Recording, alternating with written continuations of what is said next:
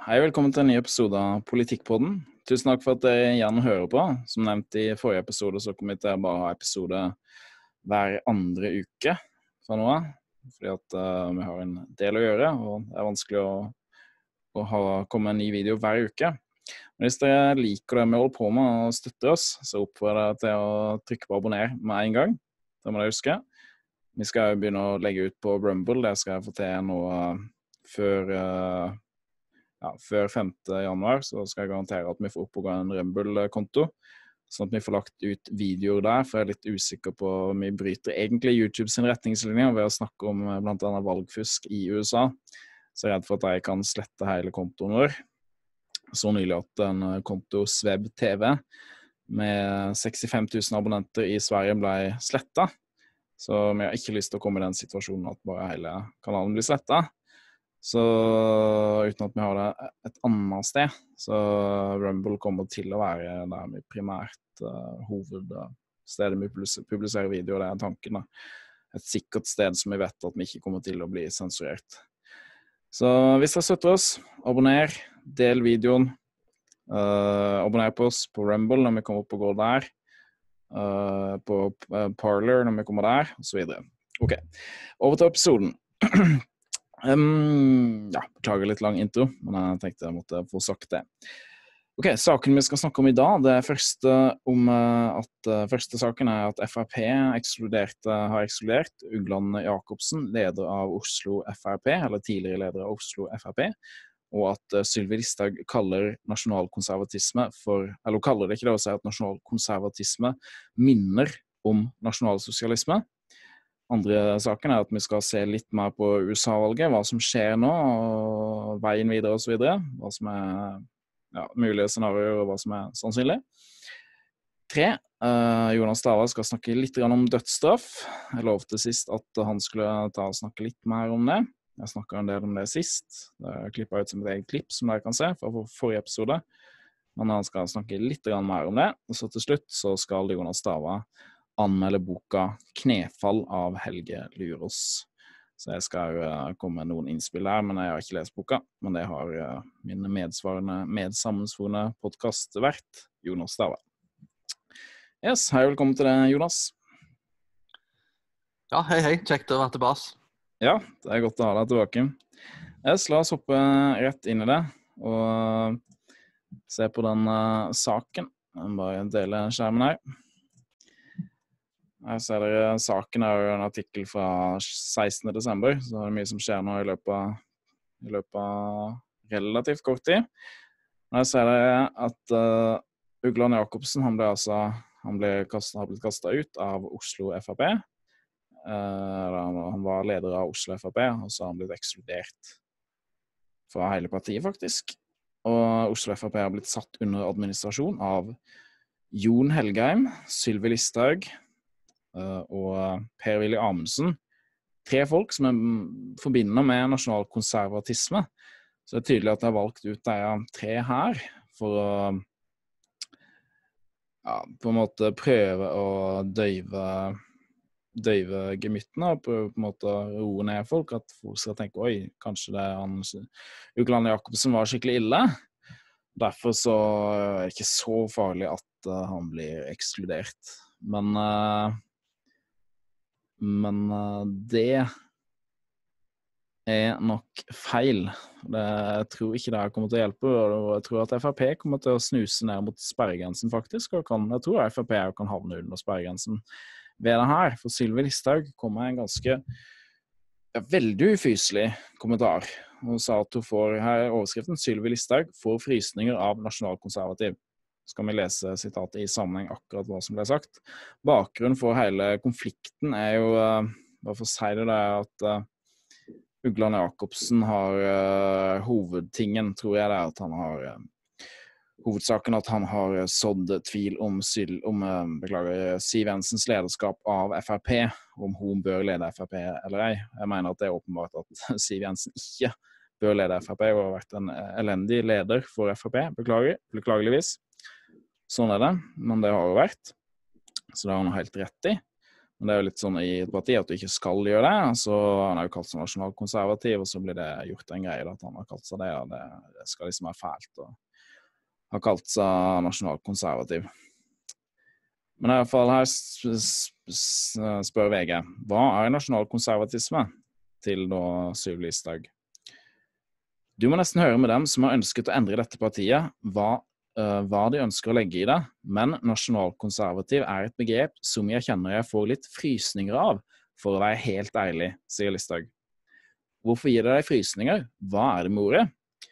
Her er det historikken rundt det som har med miksen mellom nasjonal og ideologier. Nasjonalsosialisme er fra gammelt av det mest kjente begrepet. Så nasjonalkonservatisme, jeg tror mange får litt ubehag knyttet til det begrepet, selv om alle stort sett er enige i Frp om at vi skal ta vare på Norge, vi skal passe på kulturen vår, ta vare på norske interesser, og det er det utenrikspolitikken skal handle om. Ja, det Ja, hva sier du til det her, Jonas Stava? Vi til, kan bare si at vi kommer ikke til å snakke så mye om selve saken her. Eh, det har vært kommentert veldig på dokument.no annet om det, hvis dere vil høre bl.a. høre blant annet intervju med Mugland Jacobsen høre mer detaljene rundt saken. Men vi skal snakke mest om det her kommentarene Sylvi Listhaug har kommet med angående nasjonalkonservatisme. At det minner om, eh, minner om nasjonalsosialisme. Så Hva tenker du om det, Jonas? Ja, det er jo flere ting som kan sies om det. Men uh, jeg kan ikke helt si at det skal være noe spesielt kontroversielt med å si at du er nasjonalkonservativ en, en, eh, en, nasjonalist er jo da en person som er, som er glad i landet sitt og de, de, verdiene og den kulturen da, som det landet har. Og mm, Vi må kanskje skille dette da med, med altså etnik, etnisk nasjonalisme. Det er jo ikke sånn at vi, vi forsvarer en, en nasjonalisme der, der, kun hvite skal, skal dominere i framtida. Altså, en nasjonalisme kan faktisk innebære en, etnisk flerfoldighet der folk fra ulike plasser i verden da kommer inn og, og omfavner da en, altså, visse, visse, felles verdier som det landet har. Så, så det handler ikke om, om, om, etnisitet, det handler om kultur, det handler om verdier. At en har noe til felles som gjør, gjør noen til ett folk. Som ja, det handler iallfall ikke. Det ikke om rase. Det kommer an på hva du legger i ordet etnisitet. da. Ja, ja, ja, det, kan, det er kanskje tenker, en enda bedre måte å si det på. det. Jeg tenker at, tenker at, det er bra om det kun har eller ikke kun, da, men at det hovedsakelig Norge består av folk som identifiserer seg som etnisk norske, uansett hvordan de ser ut utenpå. Som er, ja, identifiserer seg som etnisk norske, da, som er kulturelt sett norske. Men ikke altså rasemessig. Da samme, samme for meg hvordan folk ser ut. Men uh, det er sånn jeg tenker for at det ikke er rasemessig trenger å være hvite. Og det, og det, er nok, det, er nok det på en måte så ofte folk beklageligvis tenker når, de tenker på nasjonalisme. Og det, det, det mener jeg er et viktig skille som en, som en må, må, lage. Og for nasjonalisme er jo noe som òg kan ha en, ha en, veldig samlende effekt. Altså, I norsk historie så har det jo ofte vært, iallfall både før og etter reformasjonen, selvsagt, men, men etter reformasjonen da, så var jo de fleste var lutherske. og de, de, altså de fleste var jo døpt inn i kirka, og de fleste hadde en konge. Så Der har du to ting, da, både kristendom og monarkiet, som var med og, og samla folk og gjorde oss om da, til ett folk. Og Folk var ikke enige i alt. Vestlendinger var uenige med østlendinger, og, og sørlendinger og nordlendinger. og Det har jo alltid vært ting som folk har vært uenige med. Men det har vært noe, da, både de to tingene, og, og verdier som har vært med og forent folk. Og, og, Det er jo en av forklaringene til at Norge da har den antlengste grunnloven, da, konstitusjonen, i, etter Amerika og har egentlig hatt en veldig fredelig historie sammenlignet med en god del andre land rundt omkring. Og En av grunnene til det da, er at vi har vært forholdsvis homogene da, i, i, i tenkemåte, kultur og verdier. altså det er jo både, kan både være en god ting og, en dårlig ting. Da. Men uh, altså, i, tillegg da, så, så, så, har det vært stor nok enhet da, til at uh, vi har kunnet bygge opp et sterkt tillitssamfunn. Og, det hadde vært helt umulig uten nasjonalismen. Nasjonalismen er en bra og en positiv ting, og det er òg en, en bremsekloss for den utviklingen i dag da vi ser med, med, globalismen. Og globalismen er jo med egentlig å, å gjøre at vi har mista rettighetene på vårt eget land. Og nasjonalismen er jo det som har vært med og at, at når vi investerer og betaler skatt til vårt eget land, når vi velger inn representanter, så er de faktisk med å representere oss og representere vår framtid, og ikke framtid til noen andre da, som, som er utvalgt av, av, EU eller andre by byråkratier rundt omkring i Europa eller andre deler av verden. Så, så nasjonalisme, mener jeg, er vel, Nasjonalstaten er vel egentlig den eneste modellen som har blitt utvikla så langt i historien. Der du faktisk kan ha et funksjonelt demokrati. Hvis vi velger ledere som egentlig er kontrollert av uvalgte ledere i, EU, og, og, så, så, så, har vi i, si, i stor grad mista demokratiet vårt. Eh, de jobber jo egentlig ikke for nasjonen sin, de jobber jo egentlig for, eh, for alle nasjonene. Og det, med tanke på at uh, det er så stor flerfoldighet i Europa, i motsetning til Amerika, som, som ble et land ganske tidlig, så er det faktisk Hvor mange land er det i Europa? 48-50 land? Ja, jeg vet ikke. Det... Jeg lurer på om det var 48 i hvert fall forrige gang jeg telte. Men nå, nå har det kanskje pluss-minus. Men, men uh, veldig mange ulike land. Forskjellige historie, kultur, språk. Uh, det er jo altså Det er jo helt umulig, mener jeg, at alle disse landene på en måte kan, kan være samla i én union, der en da skal til en viss grad dele penger og andre ting. Og, og nasjonalisme er etter min mening en, en, en mye, mye, bedre løsning på det problemet. Uh, en annen ting er det var, det var konservative, nasjonalkonservative. Og det være konservative handler, handler da om å konservere det som har vært positivt gjennom historien. Det er ingen som er imot utvikling. Det er ingen som er imot teknologisk utvikling, og heller ikke utvikling politisk og ideologisk. Men ting må prøves. Må prøves sent konservativt sikter tilbake på nasjonen. At du vil konservere, nasjon, konservere nasjonen. Og det er jo fordi at nasjonen har vist seg å være funksjonelle. Globalismen den, den har ikke vist seg å være funksjonelle. Faktisk vil jeg si at den har vist seg å være dysfunksjonelle. Og dermed så, så er vi jo med og vi vil ivareta det som har vist seg å produsere gode land, gode resultater og gode plasser å bo i for alle. Og det, det burde ikke vært noe spesielt kontroversielt. Vi vil ikke konservere eh, raseteorier og altså Hitlers politikk.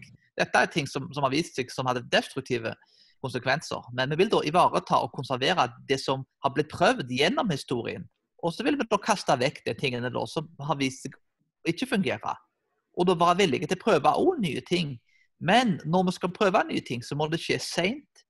Det, det, må skje på, på, på, en måte der en faktisk får se om funker dette det å bare kaste alt ifra seg og et, Jeg har ikke har noen historiske røtter, men jeg gjør i stor grad at eh, vi, går, vi kjører egentlig fly da uten pilot. Ja, altså, altså er det mange bevis på at uh, globalismen er dårlig. Og særlig for altså det som er det, Den som den er dårligst for, er for de, de som er svakest, den svakeste delen av majoritetsbefolkningen i, altså, i Norge, da, den svakeste delen av, av, av, innfødte nordmenn. Det er de den er verst for. Og sånn er det i alle andre vestlige land òg. Okay, det, den, den, rikeste tjener ofte på det, for billigere arbeidskraft osv. De innvandrerne som kommer, de tjener jo på det fordi de hadde det mye verre der de kom fra, som oftest. Uh, men de som, blir, de som blir latt tilbake, det, det er den svakeste delen av majoritetsbefolkningen. Og de er jo verst for å formulere det, formulere problemene sine, for de vet ikke helt politisk korrekt hvordan de skal formulere seg. De har ikke hatt de har ikke femårig de har ikke på en måte mastergradsutdannelse fra universitetet osv. Så, videre. så det er vanskelig for å formulere hva som er problematisk med det som har skjedd. Da. Men det er de som det svir mest for. Det er de som er såkalte egentlig alle partiene, ikke bare Arbeiderpartiet, da, men uh, er de som, måtte, de som har det navnet, da, som har svikta sin egen velgerbase. Og egentlig alle partiene, både på høyresida og på venstresida. Så det er ulike kulturelle forutsetninger, som jeg har sagt før på det her programmet. Da. Ulike, ulike land har ulike kulturelle forutsetninger for hvordan det bør styres. Og det er derfor at, at ledelse bør skje måtte, stat for stat, da, i nasjonalstater ideelt sett. Sånn at uh, lederen der vet hva som er best mot det folket for å få en effektiv styring av landet. Og, Og- og- og ulik kultur kommer- gjør at en må ha ulike måter å styre land på. Ja, helt, helt enig i det. Og, de da som har da en ny løsning, et, et nytt program og en ny måte å styre på, mener jeg. Jeg tenker at det bevisbyrden må ligge på deg. Det gjelder med alle nye ting som kommer. Hvis de er skråsikre på at dette kommer til å skape Edens hage, så tenker jeg kom, argumenter for det. Legg fram bevisene. Og, og, og, altså, la, la folk få velge en representant som vil ha dette. Men, men vi har jo blitt overkjørt, både ideologisk og, og politisk. Dette er jo egentlig noe, noe som har blitt trett nedover halsen på, på store deler av befolkningen. Til tross for folk flest egentlig er uenig i det. Nei, det er helt sant. Det er helt sant. Det er Til tross for at bevisene på mye av de bevisene peker i retning av at det er negativt. Men det blir undertrykt. Den såkalte fjerde statsmakt, media, de spiller jo bare på lag med makta istedenfor. Og rapporterer det som myndigheten vil at de skal rapportere. Så ulike mm, statistikk om kriminalitet f.eks. Blir, eh, blir undertrykt. Uh, ulike konsekvenser for majoritetsbefolkningen, konsekvenser for skolene, hva som skjer der. Det blir, uh, det blir uh, undertrykt. Så veldig mye, mye vital informasjon om konsekvensene av globalismen blir undertrykt. Man får ikke vite det. Annet enn alternative medier, sånn som, sånn som oss, som rapporterer om det, men som er små. da. Vi kan, det vanskelig for Dokument og Resett og HRS å sette dagsordenen.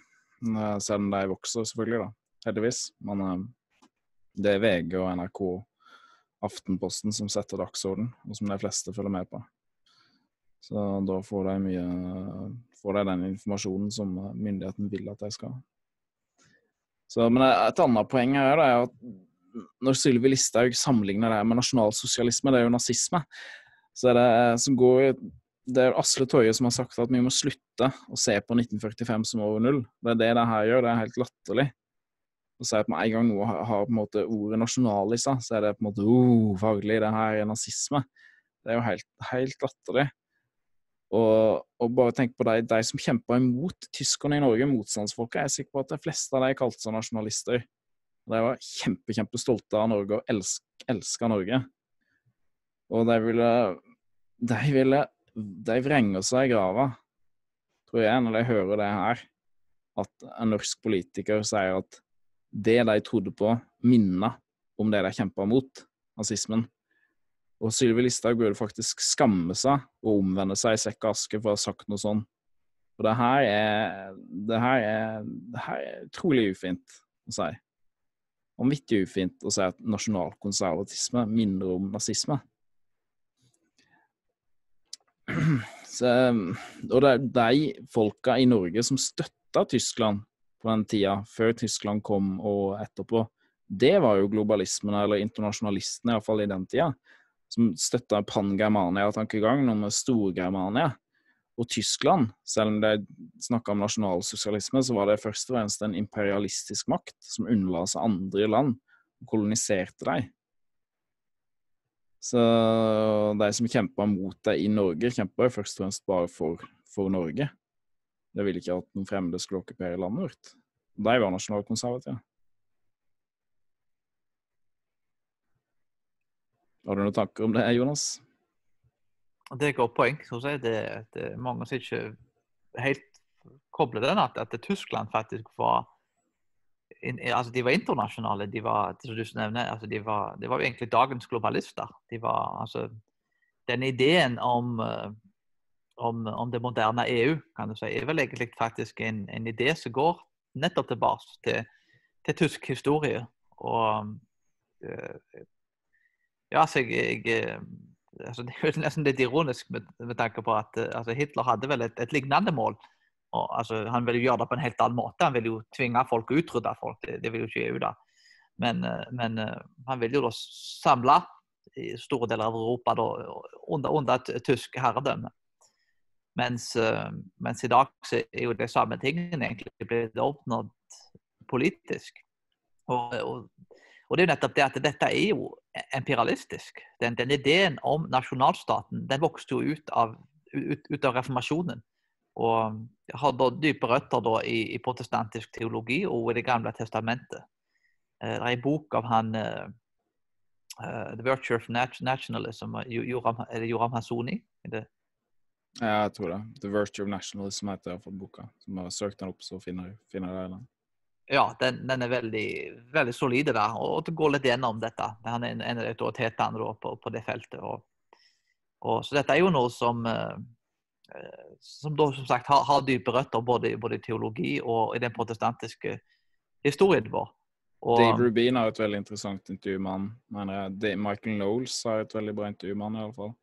Bare søk opp på YouTube. Så det, hvis jeg vil ha en, en så dere, sammendrag av boka handler Da kan en gå og der har du et annet eksempel, at folk er så, er så irritert på Israel, og spesielt Norge. da, så er det jo Europa generelt sett så altså Antisemittisme er jo noe som vokser ganske sterkt. Og En av grunnene til det er jo at Israel er jo faktisk en, en nasjonalstat. Men, men, det ser vi i Israel at uh, de har ett land. De, de, er interessert i å overta resten av verden, men de har ett land som de ønsker å beholde, som da de ønsker skal være eh, israelsk og, og jødisk. Og, og, og, den type nasjonalisme mener jeg er jo akkurat det motsatte. Altså Israel ble jo ofte sammenlignet med, med nazisme og Hitler og, altså Israel prøver jo ikke å kolonisere andre land, men, men, det gjorde jo Hitler, som du nevnte. Han gikk jo inn og, og ville egentlig ta over verden. mener jeg, og, og vil det, jeg vil da heller si faktisk at, at, den typen tenkning faktisk i mye større grad går, går tilbake til vår romerske arv. Det er vel i større grad Romerriket som, som dreier på da med Aleksander den store. Går vel tilbake til han først og fremst. og der han da begynte, begynte å samle alt, alt til et rike. da, Nå døde han jo i en ung alder. Han fikk jo ikke fullført det, men overleverte da makten til generalene sine. og så eh, ble, Til slutt så ble det jo et romerrike. Og, og Romerriket altså de, det, det, var vold og undertrykkelse og kolonisering. Det, det, var jo den måten de holdt den politiske makten på. Og, og det er jo egentlig fra gresk-romersk tenkning denne typen imperialisme og kolonisering kommer fra. Mens, mens ut ifra en, en, en, protestantisk og en, en bibelsk forståelse, så, så, så, bør en jo da tenke at en, en har ikke noe rett til å stjele andre folk sine land, andre folk sine ressurser. Dermed da, så, så kan en da ikke gå inn og ta andre land. En vil beholde det som er sitt eget. Og Et annet poeng er jo det at uh, nettopp pga. at folk, nasjoner i Europa kjemper mot hverandre, dette er et poeng som Neil Ferguson har i Eh, i boken sin 'The West and the Rest' at det var grunnen til at Europa sprang foran resten av verden og har ligget foran mye av resten av verden de, de siste eh, i hvert fall 300-400 siste årene. Og nettopp det at det var mye konkurranse internt i Europa mellom alle, alle nasjonene, og dermed da så konkurrerte de. og Den ene ville bli bedre enn den andre, og dermed så ble teknologien bedre, og samfunnet ble bedre. Ting utvikla seg altså pga. konkurranse, og dermed da så ble Europa mer utvikla. Det er jo ikke den eneste årsaken. Det er jo mange årsaker til hvorfor ting ble sånn som de ble. Men, men han mener iallfall det at det er Han er jo en av de uh, konservative historikerne. En, en av de mer kjente historikerne som har skrevet om disse tingene. Så, så det er mange gode argumenter for at både nasjonalstaten og, og det konservative er, er en positiv ting. Og òg er faktisk akkurat det rake motsetningen av det du så i Hitler-Tyskland. Og jeg vil heller si at Hitlers visjon er faktisk mye mer sammenlignbart med, med dagens EU. En fredelig og pasifistisk versjon da, av, av, det Hitler vil gjennomføre. Og selvsagt ikke, uten raseteoriene hans. Men, men, politisk som en union da, så, så, er det veldig mye likhetstrekk. Og Det er jo ikke helt tilfeldig at det er også Tyskland som, som styrer EU i dag. Og i, i, stor grad er det de som står bak dette engasjementet og visjonen. Mm. Ja, veldig bra. Yes, da går vi videre på neste sak. USA-valget. Hva skjer nå? Det, jeg kan snakke litt uh, bare om uh, Jeg husker ikke som, om det Texas-søksmålet hadde kommet inn sist vi snakka, men uh, sist jeg hadde episode her. Men iallfall det var et stort Texas-søksmål som ble sendt til Høyesterett. Jeg er ganske sikker på at vi snakka om det, men iallfall det ble avvist. uh, kontant av uh, Høyesterett. De sa at uh, Texas ikke hadde standing. Altså, Det betyr at det ikke var en del av Det var ikke en fornærma part i saken, og derfor kunne de ikke saksøke. et Pennsylvania-søksmål som kom inn. Det sa Høyesterett at det var ikke noe hastverk å behandle, så de nekta å foreta en hastebehandling av saken. Den er fremdeles på vent, og det sa at det er ikke sikkert jeg kommer til å behandle den. Uh, og etter det, det er nytt, da, det kom inn et nytt tekst, eller et nytt Pennsylvania-søksmål, der, uh, der de gav Pennsylvania en sjanse til å svare på anklagene til de som hadde saksøkt deg. Jeg lurer på om det var Trump sitt juridiske team. Det er ikke sikkert det var det kan være noen andre. Men iallfall noen som enten var Trump-supporter eller Trumps juridiske team, team som, uh, som uh, ga, leverte inn det søksmålet. Der har altså Pennsylvania fått uh, frist til å sende et motsvar, eller et svar på søksmålet, til 22. januar, to dager etter innsettelsen av presidenten. Så det er ikke, ikke noe hastverk.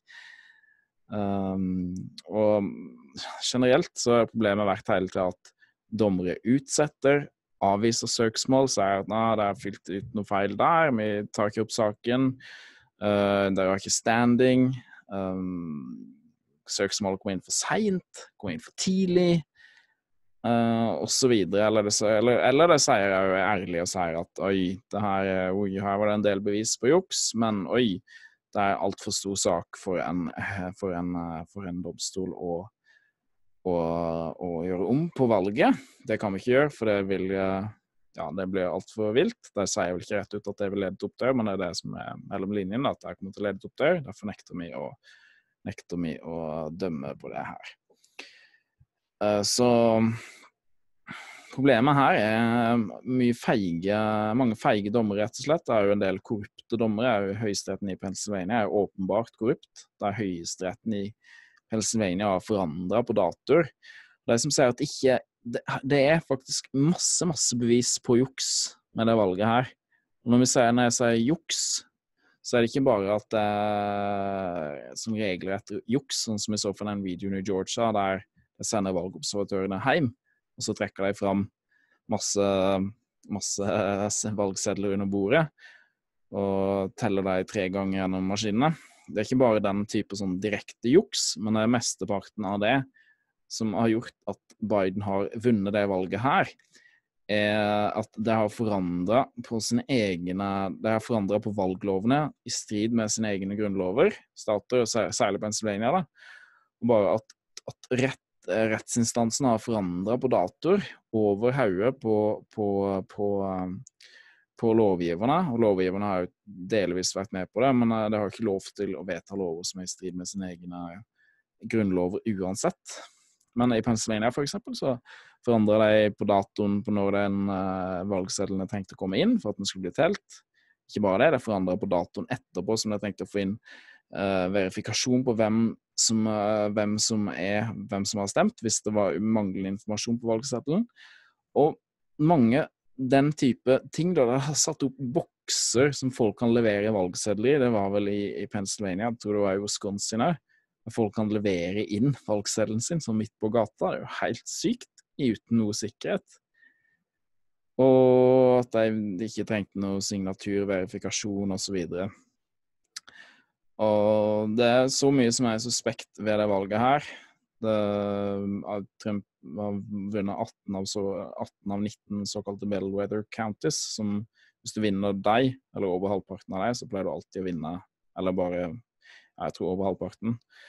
Så, så pleier du å vinne presidentvalget egentlig nesten helt garantert. Og han vant de såkalte de statene òg, som han pleier Hvis han vinner deg, så pleier han alltid å vinne valget. Det er altså Ohio, uh, Iowa, Florida.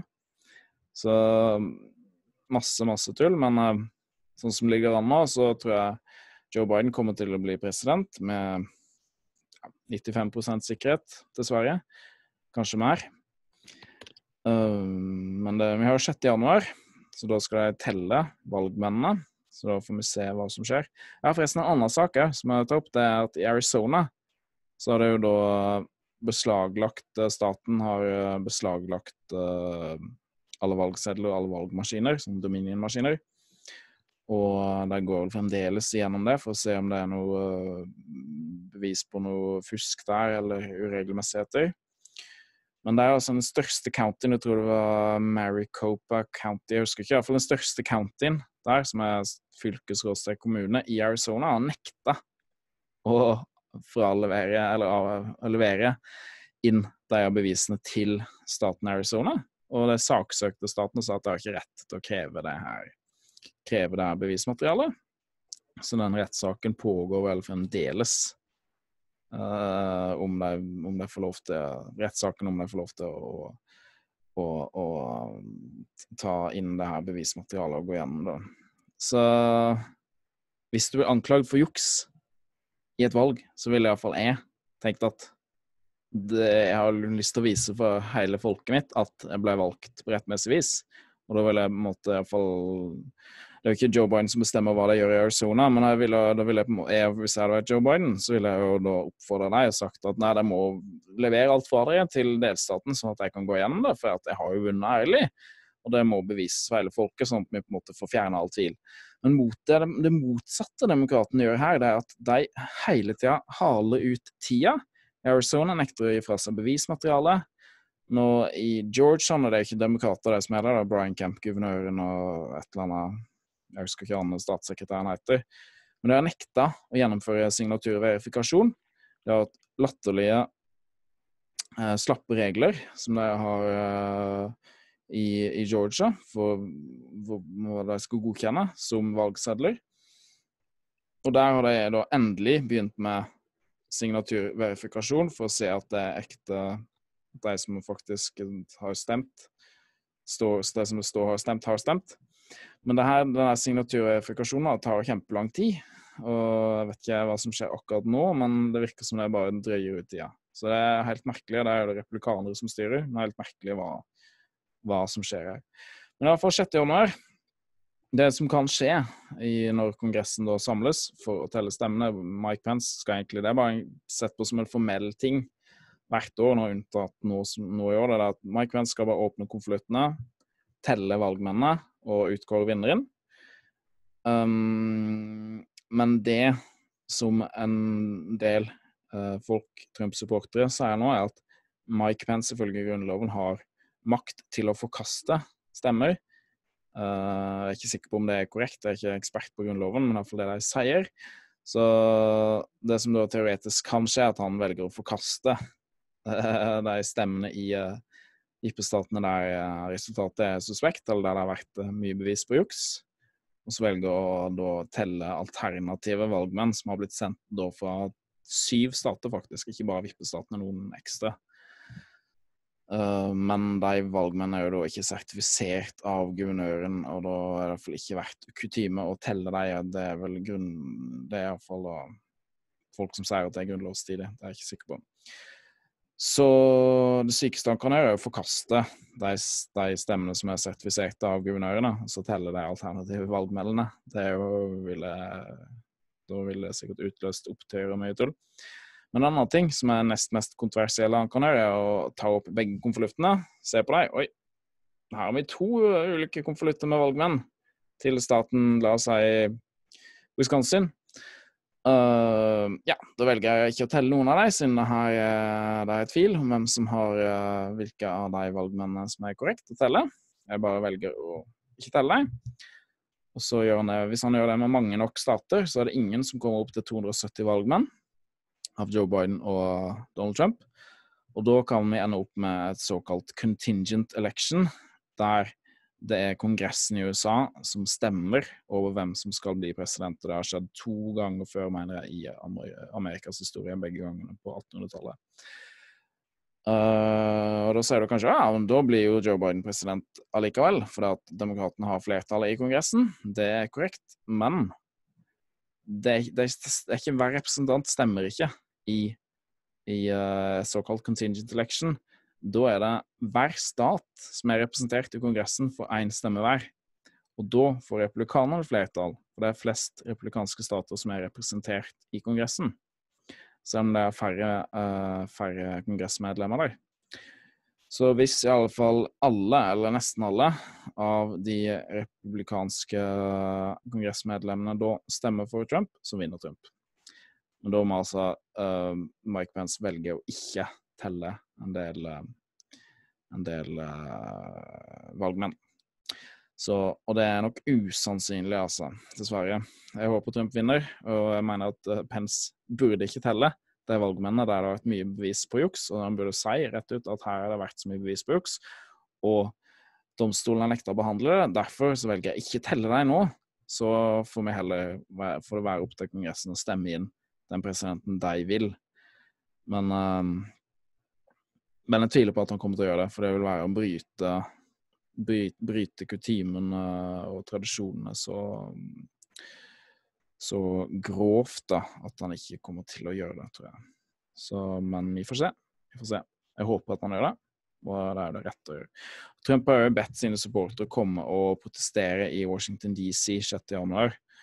Um, så vi får se. Hvis det kommer flere millioner der og protesterer, um, så kan det jo være Jeg tror det er større sjanse for at Mike Pence kan gjøre noe sånt.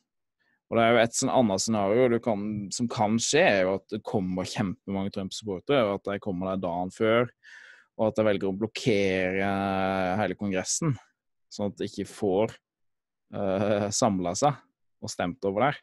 Og da, da på en måte kommer du i en konstitusjonelt, konstitusjonelt limbo, da. Grunnlovsmessig limbo, der ingen vet egentlig hva som skal helt skje. da. Så det kan jo skje, og det blir jo spennende hvis det skjer. At det ikke rett og slett eh, fysisk ikke får samla seg til å stemme, fordi det er så mange Trump-supportere som blokkerer hele Kongressen. Uh, så vi får se. Det er mulig. Um, ja. Så det er altså oppdateringer på USA-valget. Har ikke noe mer å si egentlig nå, men uh, ja. Har du noe å tillegge om USA-valget, Jonas? Ja, jeg tenker på en ting som jeg tenkte på. Mange tenker at dette greiene med valgfusk, da er jo liksom bare konspirasjonsteorier. Og, og som sagt, det, da er det jo etter all sannsynlighet som sagt, det er jo Biden som kommer til å bli den neste presidenten. og det, det har vi samme vel helt fra start av. Men, men en ting er jo det med bevis og det altså valgfusk og det å kunne bevise det. Men, men bare nevne i, i, med tanke på alle disse tingene, nevne en artikkel, en overskrift i Vårt Land så står det russerne fikk Trump valgt. Hva fikk de igjen? Dette er Vårt Land, da, ei kristen avise som skriver dette her. Så Det er jo åpenbart at Vårt Land da var skråsikre på at russerne fikk Trump valgt. Og det var motbevist. Det var faktisk tatt opp i, med, med, med Mueller-undersøkelsen og investigation. Så Dette var jo ting som faktisk de, de satt De brukte enormt mye penger, og så kom de fram til en konklusjon da at Trump hadde ikke vært involvert i russere når det kommer til ting imot Trump, så blir det tatt opp i rettssalen. Det blir motbevist. Og jeg kan ikke komme på at jeg leste noe om at eh, de, sa at de tok feil, og at, at det er åpenbart at Trump ikke hadde noe så helst eh, forhold med russerne, med, med, med, å ødelegge valget, overta valget.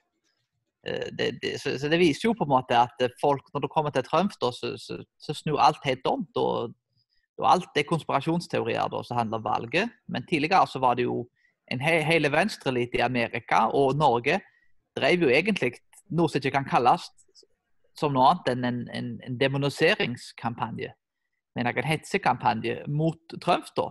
Sånn at han da ikke skulle, skulle bli svartmalt og, og, ikke bli valgt inn igjen. Så, så Folk da påpeker dette at dette er bare tull og konspirasjonsteorier. Det kan kanskje være greit å henvise dem til den artikkelen nå og til flere andre artikler som ble skrevet i Norge. De tok feil om russerne. Og etter min mening så har de tatt feil om ganske mye annet i, i etterkant. Og, og, at det vil vise seg eh, kanskje i framtida at de òg tok feil på dette valget, vil ikke overraske meg. Men, men, jeg vet jo ikke da. Hva som kan bli bevist og ikke bevist. Men. Ja, nei, eh, den, den dobbeltstandarden den skriker. Den skriker imot enhver informert person. Men altså det De fleste er så forblinda av, av, av media og, og, big tech og all den sensuren som kommer på Facebook og Twitter med alle advarslene om at dette er bare tull og sånn, når du leser om valgfusk. Og YouTube er som sier at de vil fjerne materialet som påstår at det har vært valgfusk, da, med mindre det er relatert til noe nyhetsverdig. Så. Vi tenker å gi hvordan kan folk bli så manipulert av myndighetene, sånn som det ble i Sovjetunionen og Nord-Korea osv. Men uh, Det er ikke rart når du ser på det her. Folk tar, folk tar det for god fisk, dessverre. Så er jo, mange tenker jo hvorfor tror folk på så mange gale ting?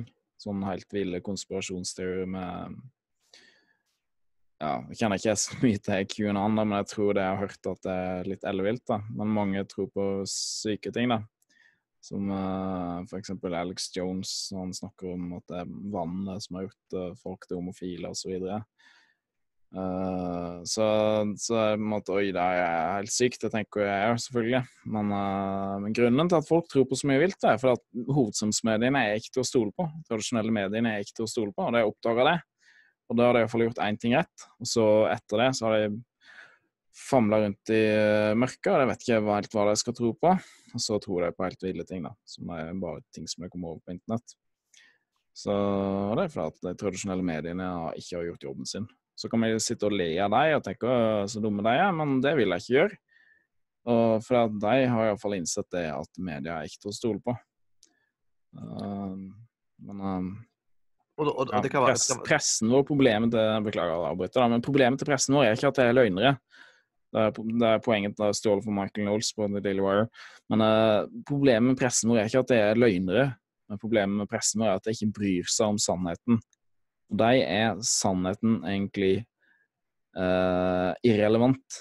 Det er om det passer til deres narrativ. Så Derfor så er det av og til at de rapporterer ting som er sant, men det er bare når det passer til deres narrativ. Altså, det, det bare, alt handler om narrativet. Alt handler om narrativet som de vil, de vil, eh, de vil fremme. Hvis ikke det passer inn, så rapporterer de ikke om det, eller de forvrenger det, eller de direkte lyver om det. Og hvis det passer inn, så rapporterer de om det. Så derfor, Noen ganger så kan det, kan være at de rapporterer noe som er sant, men det er bare fordi at det passer med narrativet. Det bryr seg ikke om sannheten, det bryr seg kun om narrativet. Og det er nettopp, nettopp det da, at sannheten er jo ofte veldig ubehagelige.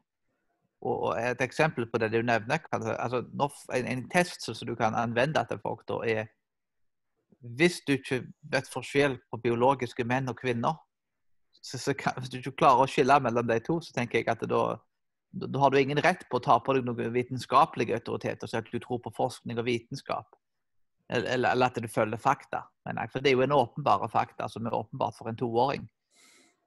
Og dermed da, så, så jeg, Hvis de to tar feil på så elementære og grunnleggende ting, kan det være da at de, at de roter det til på en god del andre ting. Men jeg, Folk som ikke kan skille mellom kjønnene, mener jeg, klarer heller, kanskje heller ikke å skille mellom rett og galt, mellom, mellom sant og usant. Og, og, og, og mellom det rette og, de valgene som er feil. Så, så, så der, det er et helt livssyn, ideologi, som du sier, som, som det er faktisk noe som, som kommer opp litt i som han Helge Lurås går inn på i, i den boka si i slutten. da, så Vi kan kanskje gå litt mer inn på de tingene der. Men. Ja. ja, da kan vi hoppe videre. Uh, først må du si litt om dødsstraff. Noen ekstra argumenter for dødsstraff. Skulle snakke om gjengjeldelse og at loven er en lærer. Så til slutt så kan du ja, snakke du... om den knefallboka. Nå, nå, snakket, nå, snakket, jo du om, om avskrek, den avskrekkende effekten da, som dødsstraff har, så det skal ikke jeg skal ikke repetere det du sa der. Men, eh, men jeg mener det, det, det beste argumentet for dødsstraff, og igjen dødsstraff når vi snakker om dette, så tenker en ofte på dette middelaldermennesker som, som, som er kommet kom frem i 2020. Og, og, i realiteten så er, så er, dødsstraff noe som blir praktisert i, i store deler av verden. Og Singapore, for eksempel, da, som er et veldig moderne land, er jo et, et, land som har veldig gode resultater med, med dødsstraff. Som er et veldig, en veldig god økonomi. Et, som første verden, altså det er et veldig rikt land. Og eh, på mange måter et, et ekstremt velfungerende land. da, som, som, gjør ting veldig effektivt. og Sikkert både på godt og vondt. Men, men det er jo et land da, som har veldig altså dødsstraff for, for, å ta en dop og, og andre ting. Og igjen, Jeg skal ikke si at det fungerer likt i alle land som det gjør i Singapore, men, men uh, jeg tror det ville vært veldig vanskelig å, å fått uh, ledende politikere i Singapore og, og sagt at, at dødsstraff var, var, ineffektivt. For resultatene viser akkurat det motsatte. Så, så, det er ikke så Det er faktisk veldig moderne land. I Amerika også det er jo flere stater som, som har dødsstraff.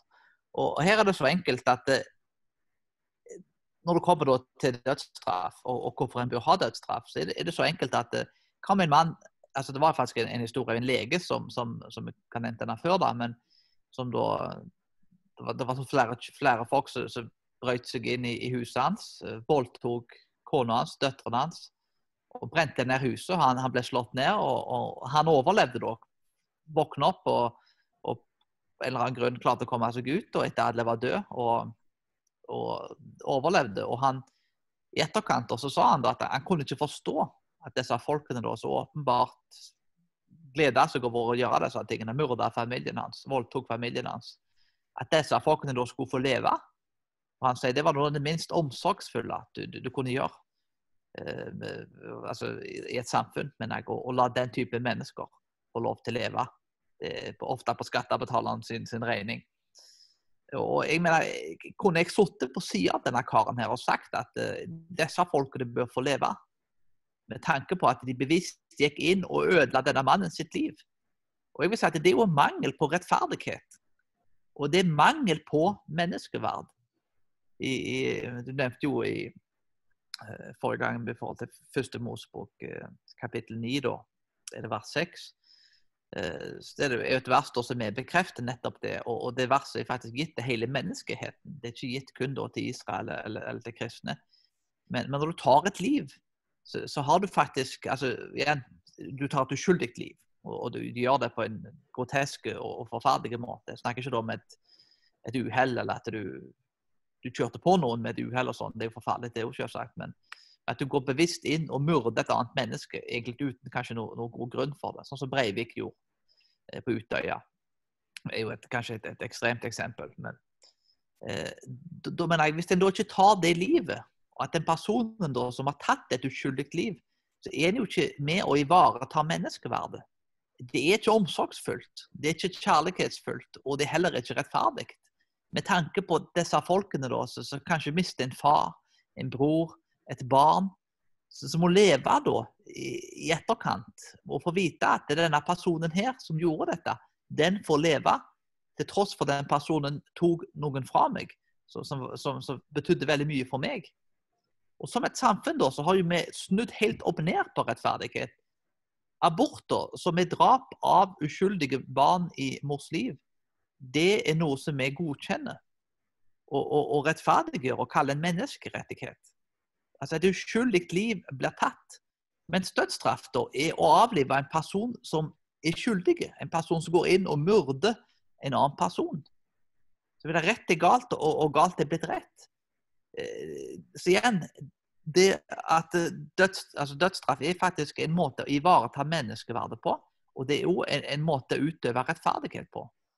Et eksempel med, med dødsstraff og abort, bare beklager å avbryte det, men, men eh, et eksempel på det hvor på verst det kan bli, er jo den uh, organisasjonen Amnesty, som uh, kjemper veldig for at abort skal bli legalisert i flest mulig land i verden, og særlig kjemper hardt i Latin-Amerika for å legalisere selvbestemt abort. Og så Samtidig så skriver de sånn at det er helt forferdelig at Trump har henrettet så mange år på slutten av presidentperioden sin, og beordra henrettelser på føderalt nivå i USA det er som et brudd på menneskerettighetene, helt forferdelig osv. Samtidig, altså, samtidig så kjemper de for aborter i, i særlig Latin-Amerika, at det skal legaliseres. Og sier at det er en menneskerettighet.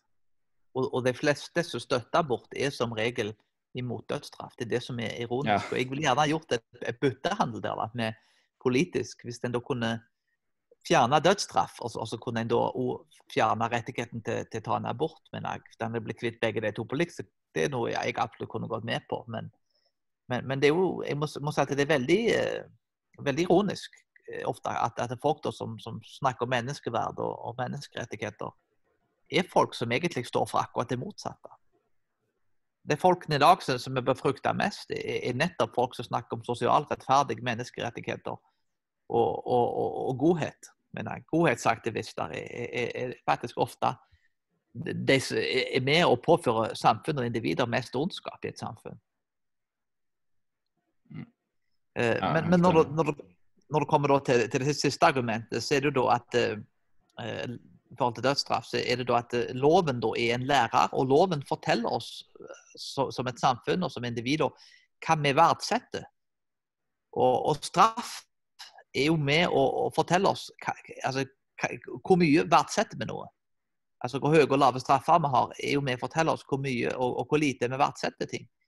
Og, Når en da velger å avlive et menneske som går inn og, og myrder og, og voldtar en, hele familien til en mann, så er det da vi sier at disse menneskelivene var så verdifulle at denne, denne, personen som gjør det, kan ikke lenger få leve.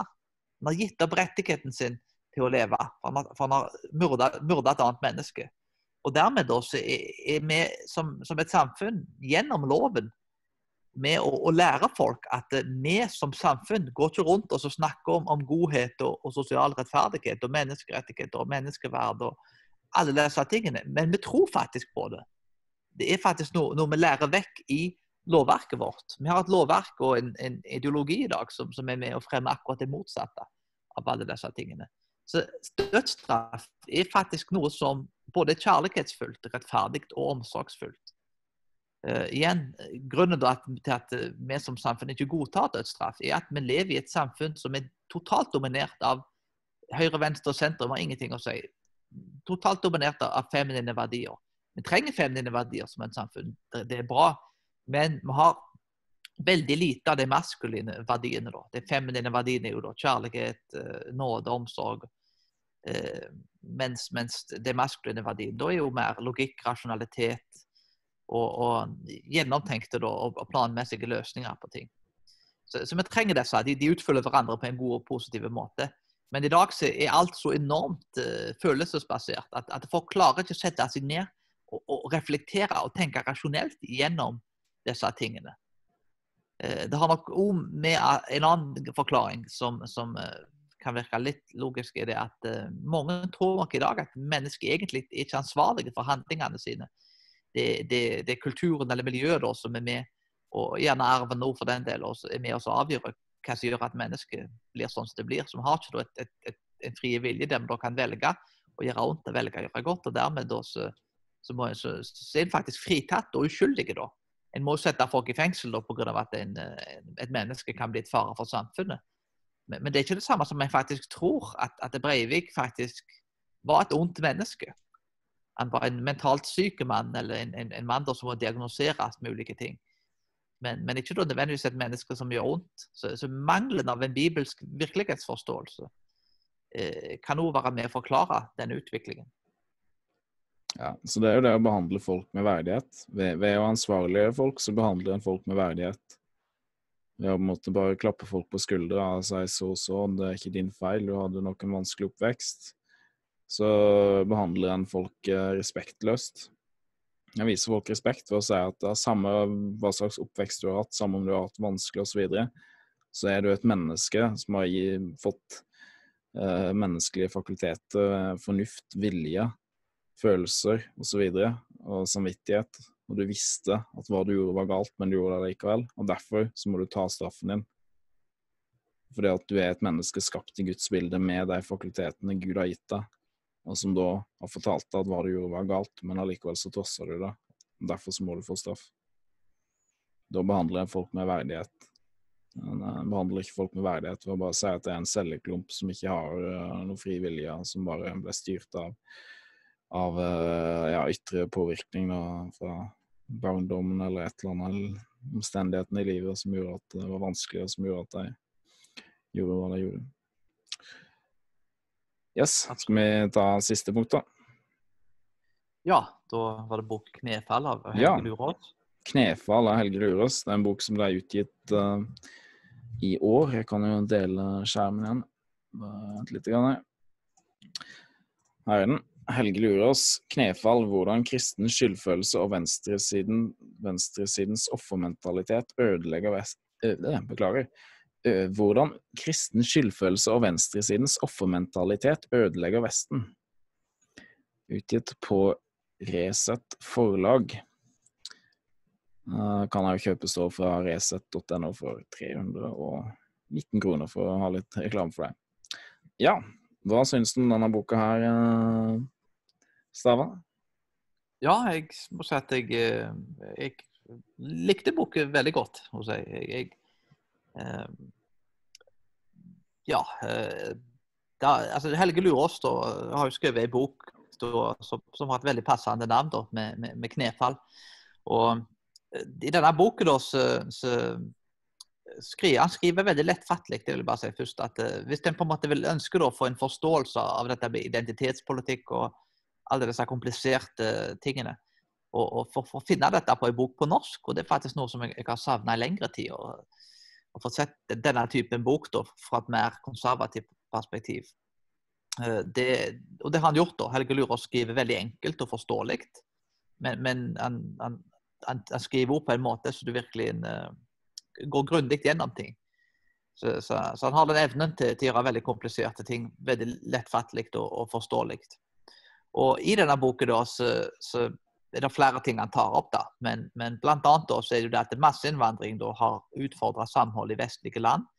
Og det har oppstått en verdikamp. Eh, og, og, vi skal da ivareta nasjonalstaten, eller om vi da skal omfavne det som vi nevnte tidligere, globalismen og da bli oppløst som en nasjonalstat. Det er jo det spørsmålet som, vi står overfor i dag, ifølge Lurås. Eh, og I mange land da, så har vi faktisk gått hele fra 2 3% til 20 eh, med, med innvandring. Og nasjonal homogenitet da, ifølge Lurås, blir erstatta av multikultur og et mangfold av identiteter. Og Det ble brukt veldig mye penger på disse tingene. De forener ifølge hans i hvert fall en 100 milliarder hvert år da, på, ting da, som er relatert til innvandring. Og, I Norge? Eh, ja. 100 sånn, milliarder? Ja. Eh, han har sikkert brukt tall da, som han har henta fra andre. Eh, ja, nei, jeg tror på det. det... Altså for forhold, for til utgifter og sånn. Ja, det, det ganske mye, da. Men, ja, eh, det er vanvittige utgifter knytta til det. Så. Og, og, som sagt, da eh, Og han eh, Og det er dette her da med, med, med identitetspolitikk som man, som, som man, går inn på. Det at folk blir delt opp i raser, og det menneskeverd og verdi blir knytta til hudfarge. Det er det vi ofte kaller antirasisme i dag. Og denne typen antirasisme og identitetspolitikk er jo veldig polariserende.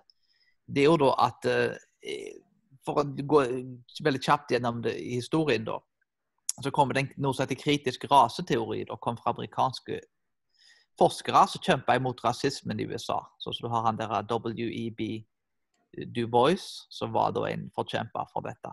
Og igjen, det har vært rasisme, og, og dette er jo en, en, god type kamp der en da Martin Luther King jr., da, teologen og baptistpastoren som kjempa og vant rettigheter for svarte i Amerika, er jo en person da som, som, jeg mener gjorde veldig mye bra. Og jeg, jeg stiller meg i, veldig stor grad da bak den typen aktivisme når det kommer til Eh, å jobbe for, for folk som virkelig hadde behov for rettigheter. Blant annet, jeg mener han, jeg mener han gjorde veldig mye bra.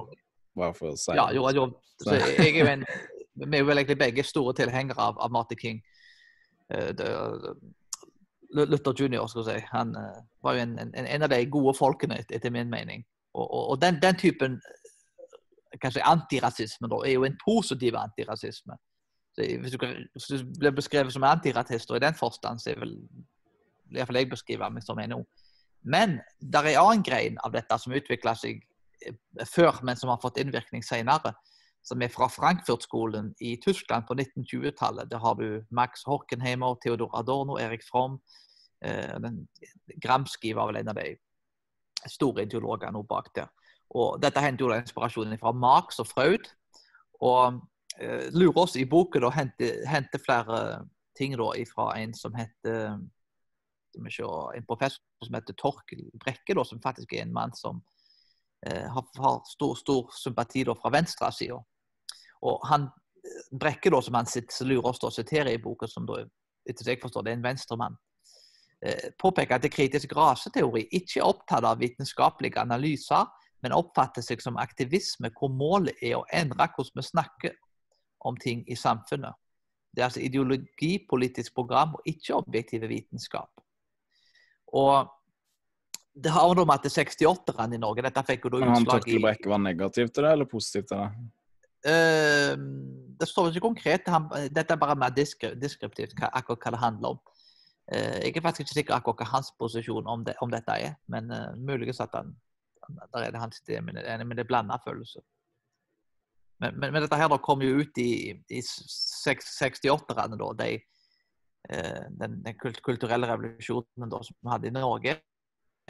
De, de fant da ikke sine egne demoner. altså Demonene som de kjempa mot, var, var, ikke nazisme, kommunisme. Men de fant disse i egen kulturtradisjon og historie. Og Det var jo da fremvekst nå av postmodernismen kom etter to verdenskriger. altså Folk gitt opp håpet om at du kunne finne svar på ting. Og igjen, da ser du den fremvoksen av identitetspolitikken. Som, som, i stor grad er at den blir kategorisert ut fra ulike grupper og identitet, altså homofili, heterofili. Og, mens der, da, der er undertrykte grupper og andre grupper da, som undertrykker disse minoritetene, da, enten om det er seksuelle eller, eller raseminoriteter eller, eller, kjønnsminoriteter, altså kvinner. Det blir liksom, altså, den, den hvite heterofile mannen, da, på en måte, han er og hvis du er gammel og i tillegg, så er du på en måte Egentlig de folkene som bygde landet, men jeg går, og hvem kjempa i krigen, men jeg går faktisk vant frihet for Norge. Det er sannsynligvis, ifølge denne identitetspolitikken, de verste folkene som, som, som, har levd noen gang. De som har bygd landet og, og betalt skatt i 40, 40, år, 40 år pluss, og, og, og, kanskje flere da, som har, har minner fra krigstider, mener jeg. Det er folk da som, som uh, ligger lavest på rangstien, da, for de har vært med og undertrykt alle andre. Så alt blir sett i lys av han som undertrykker, og, og den da som blir undertrykt. Så Det er ikke noen annen måte å se det på. Enten så er du undertrykt, eller så er du en del av han som undertrykker.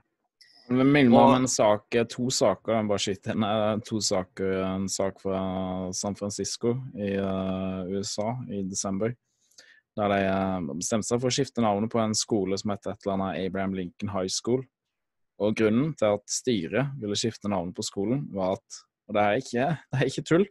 Jeg sa at Abraham Lincoln viste aldri at uh, svarte hadde noen verdi for han.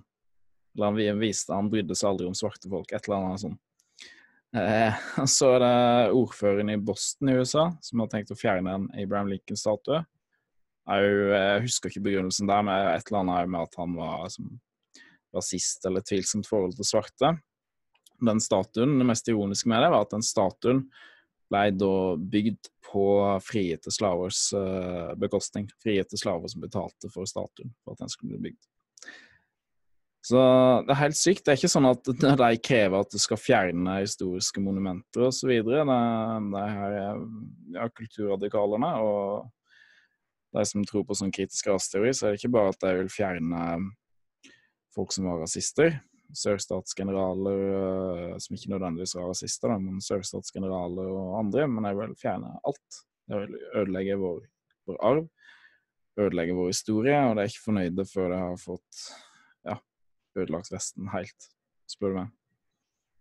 Og det, det beskrev du det helt perfekt. Altså, Abraham Lincoln er jo den mest populære presidenten i Amerika blant både svarte og hvite. Og, og han er jo en, en eh, jeg er temmelig sikker på at det folket du nevnte som ville fjerne Abraham Lincoln, var hvite. Si, for jeg vet Han er ganske populær blant svarte. Og jeg vil absolutt nesten våge påstå at majoriteten av, svarte er, er, veldig positive og glad i Lincoln.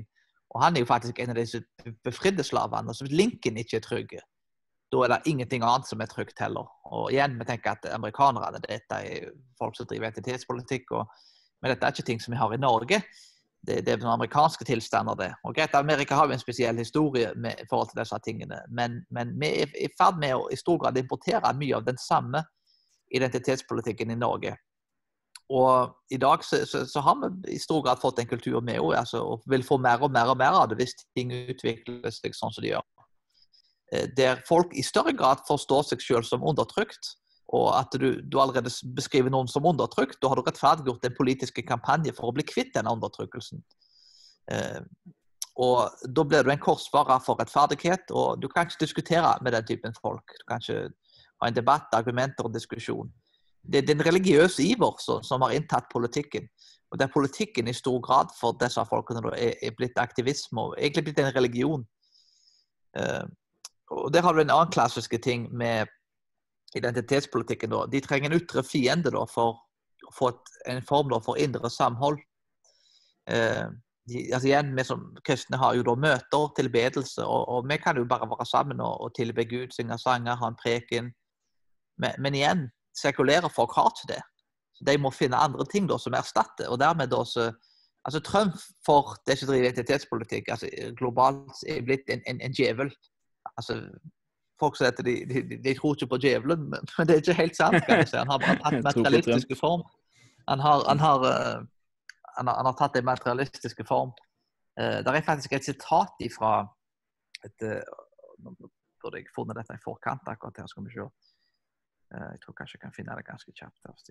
Ja, det, det, det, det, det, det Bare for å si det mens du leter fram det, da, det tror jeg er noe Jeg tror jeg er hovedgrunnen til at det har foregått så mye juks uh, med det valget, mer enn vanlig, og at uh, folk har, har, har, strukket reglene og tøyd og vrengt på ting så mye.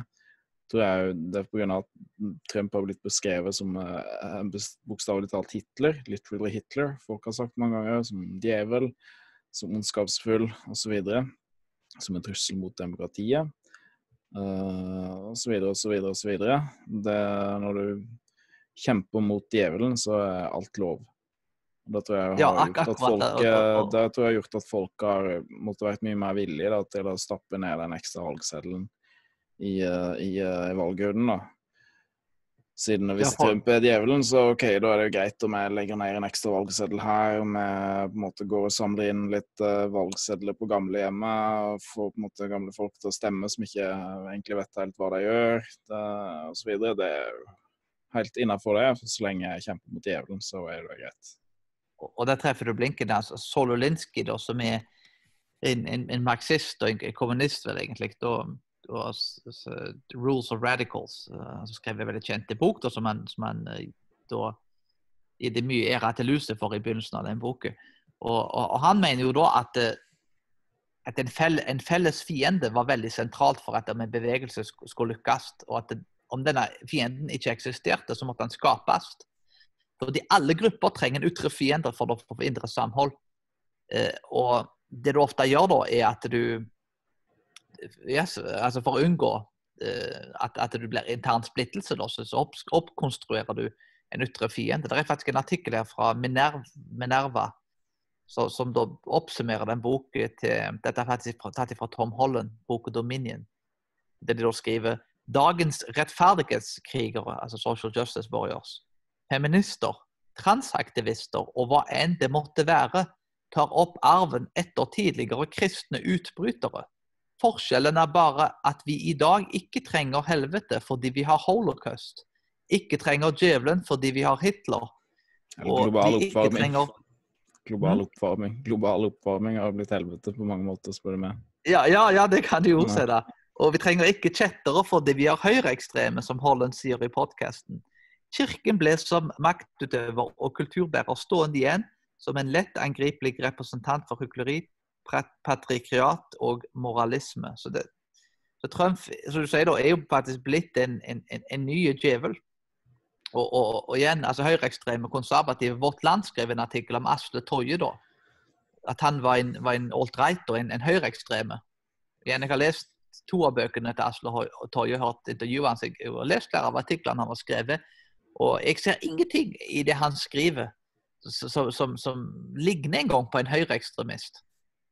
Høyreekstremistene, Hadde de gjort litt av leksene sine i vårt land, så hadde de visst at høyreekstremister eh, vil ha da, en, en, nasjon kun for hvite. Og de, de, de florerer av antisemittisme, og, og vanligvis eh, det er ofte, i hvert fall tradisjonelt, så har det jo vært en, en naturdyrkelse. Og, og eh, de har eh, ofte eh, hatt et fiendskap mot, mot, mot, homofile. Så det er flere av tingene da, som har stått sentralt. da, og Han treffer jo ikke boksene på noen av de der. Så, så, det viser jo på en måte til og med hvordan kristne aviser da, som Vårt Land faktisk kan, kan, kan rett og slett svartmale en person. da. Han, han kontakta faktisk avisa og sa til dem at han syntes ikke dette var greit da, å bli betegna som det. Fikk han en beklagelse?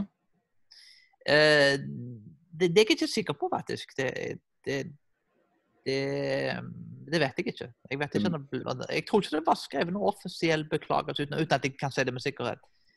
Det burde han, få, burde han ha fått det. Det er så grovt å kalle Personlig så kan det godt være. Jeg, vet ikke, jeg, vet ikke, om det ble skrevet i Jeg så ikke noe der. Jeg, det kan godt være jeg oversetter det, så jeg, jeg våger nesten ikke å si noe om det. Det kan godt være han fikk det personlig. Det, det kan godt være. Men jeg eh, kommer litt ut på vidden her. Knefall. Eh. Ja, eh, for, ja. Men, men, for å gå inn på da med ja. for, for, å gå inn på boka, da, så, så Jeg skal vel ha litt kritiske ting òg med, med boka. Altså, Lurås da påpeker jo da med, med altså, det som er da, er at kultur er alt, og biologi og natur er ingenting. Og om dette da stemmer, så er det bare tvang altså så Om dette ikke stemmer, så er det bare tvang da som kan skape likhet. Og dermed da, En av forklaringene hans på at uh, venstresida er på en måte blitt, blitt altså egentlig I Norge så eksisterer det vel egentlig både på venstre, midten og høyre. Så det har ikke noe å si. I Amerika så er det stort sett venstresida. Men, men så, så, blir det på en måte så ekstremt at du begynner nærmest å, å, å forfølge folk med en som, som da mener å, å, gjøre andre ting. Og En av disse tingene er jo da, som står midt oppi dette, her, er islam. Eh, homofile de er ikke så mange. Det er ikke så mange bifile og alle disse transgender. altså Dette er jo en, en veldig veldig liten minoritet.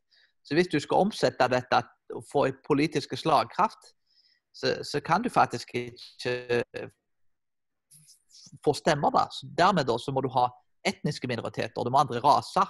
Og da har islam da vist seg å vært en, en veldig god venn da, av de som driver identitetspolitikk.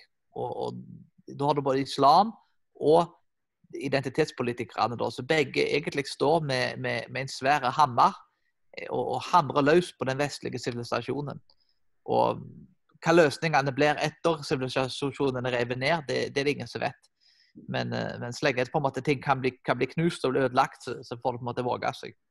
Nå skal det sies at eh, jeg har mye mer sympati for, for muslimene, med tanke på at mange muslimer er faktisk mer, ofte mer positive til, til, kristendom og til konservative verdier enn hva de egentlig er til, til, til identitetspolitikk og, og, og disse ekstremt altså den radikale LGBTQ-bevegelsen, blant annet, og, og, og de tingene. Så, men igjen, de, de, er mer stemme på dem. Altså Ni av ti muslimer stemmer vel mot venstresida. Åtte av ti stemmer, på Arbeiderpartiet. Ja, og, og resten det, de, går vel kanskje til Moxnes?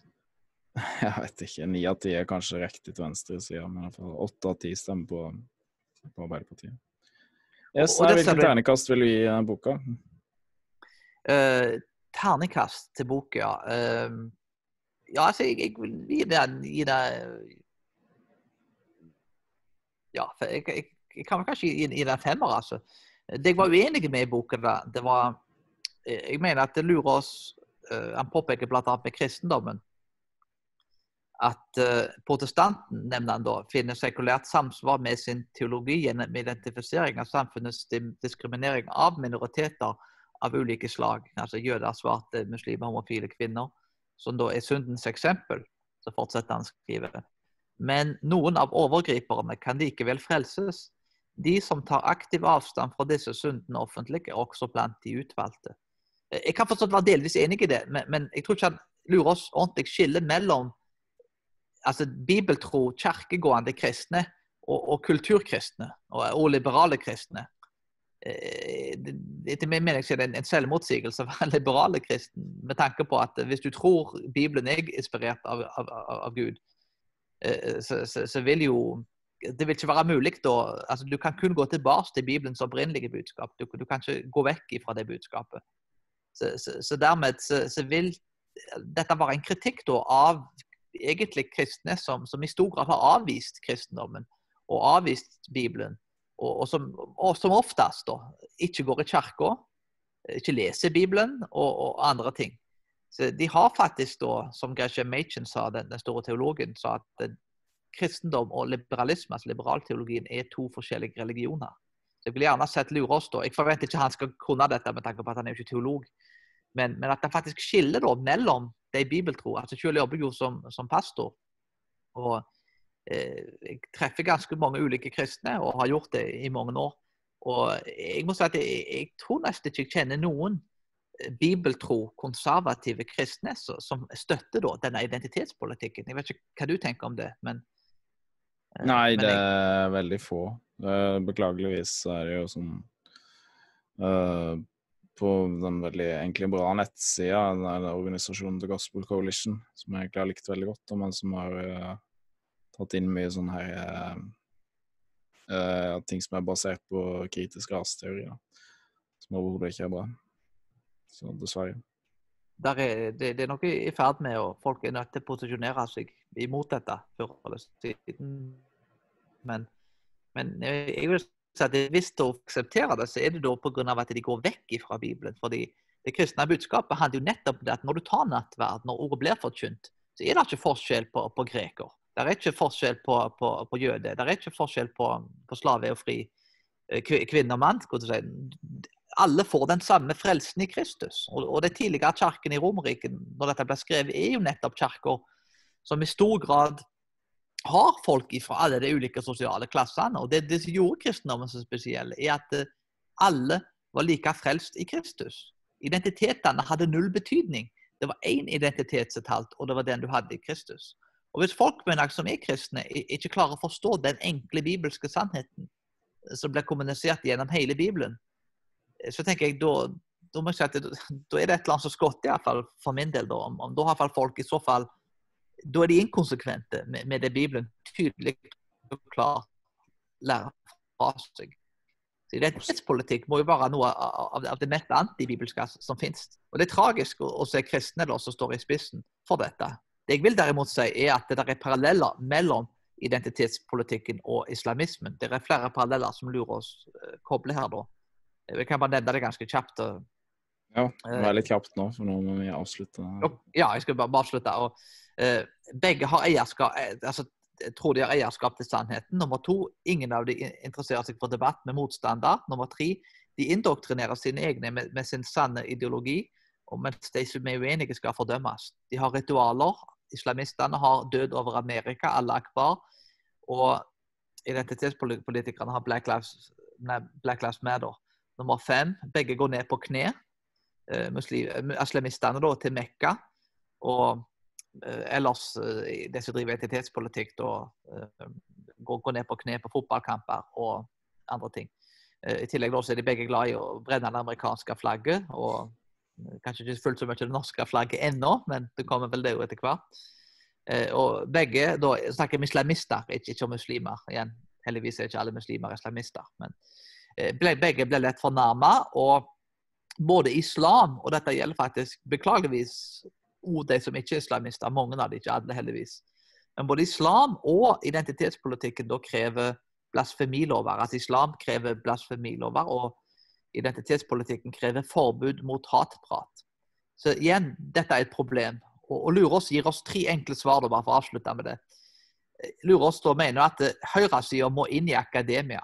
Høyreorienterte folk skriver bøker, de er i næringslivet, men, men de er ikke i akademia. Og, og de rike jo ikke vi investerer penger inn i uh, hva blir det, tankesmier i, i, samme grad da, som venstresida, at en da verdsetter viktigheten av å vinne idékampene. Og, og Ove har i større grad innflytelse på den offisielle utdannelsen.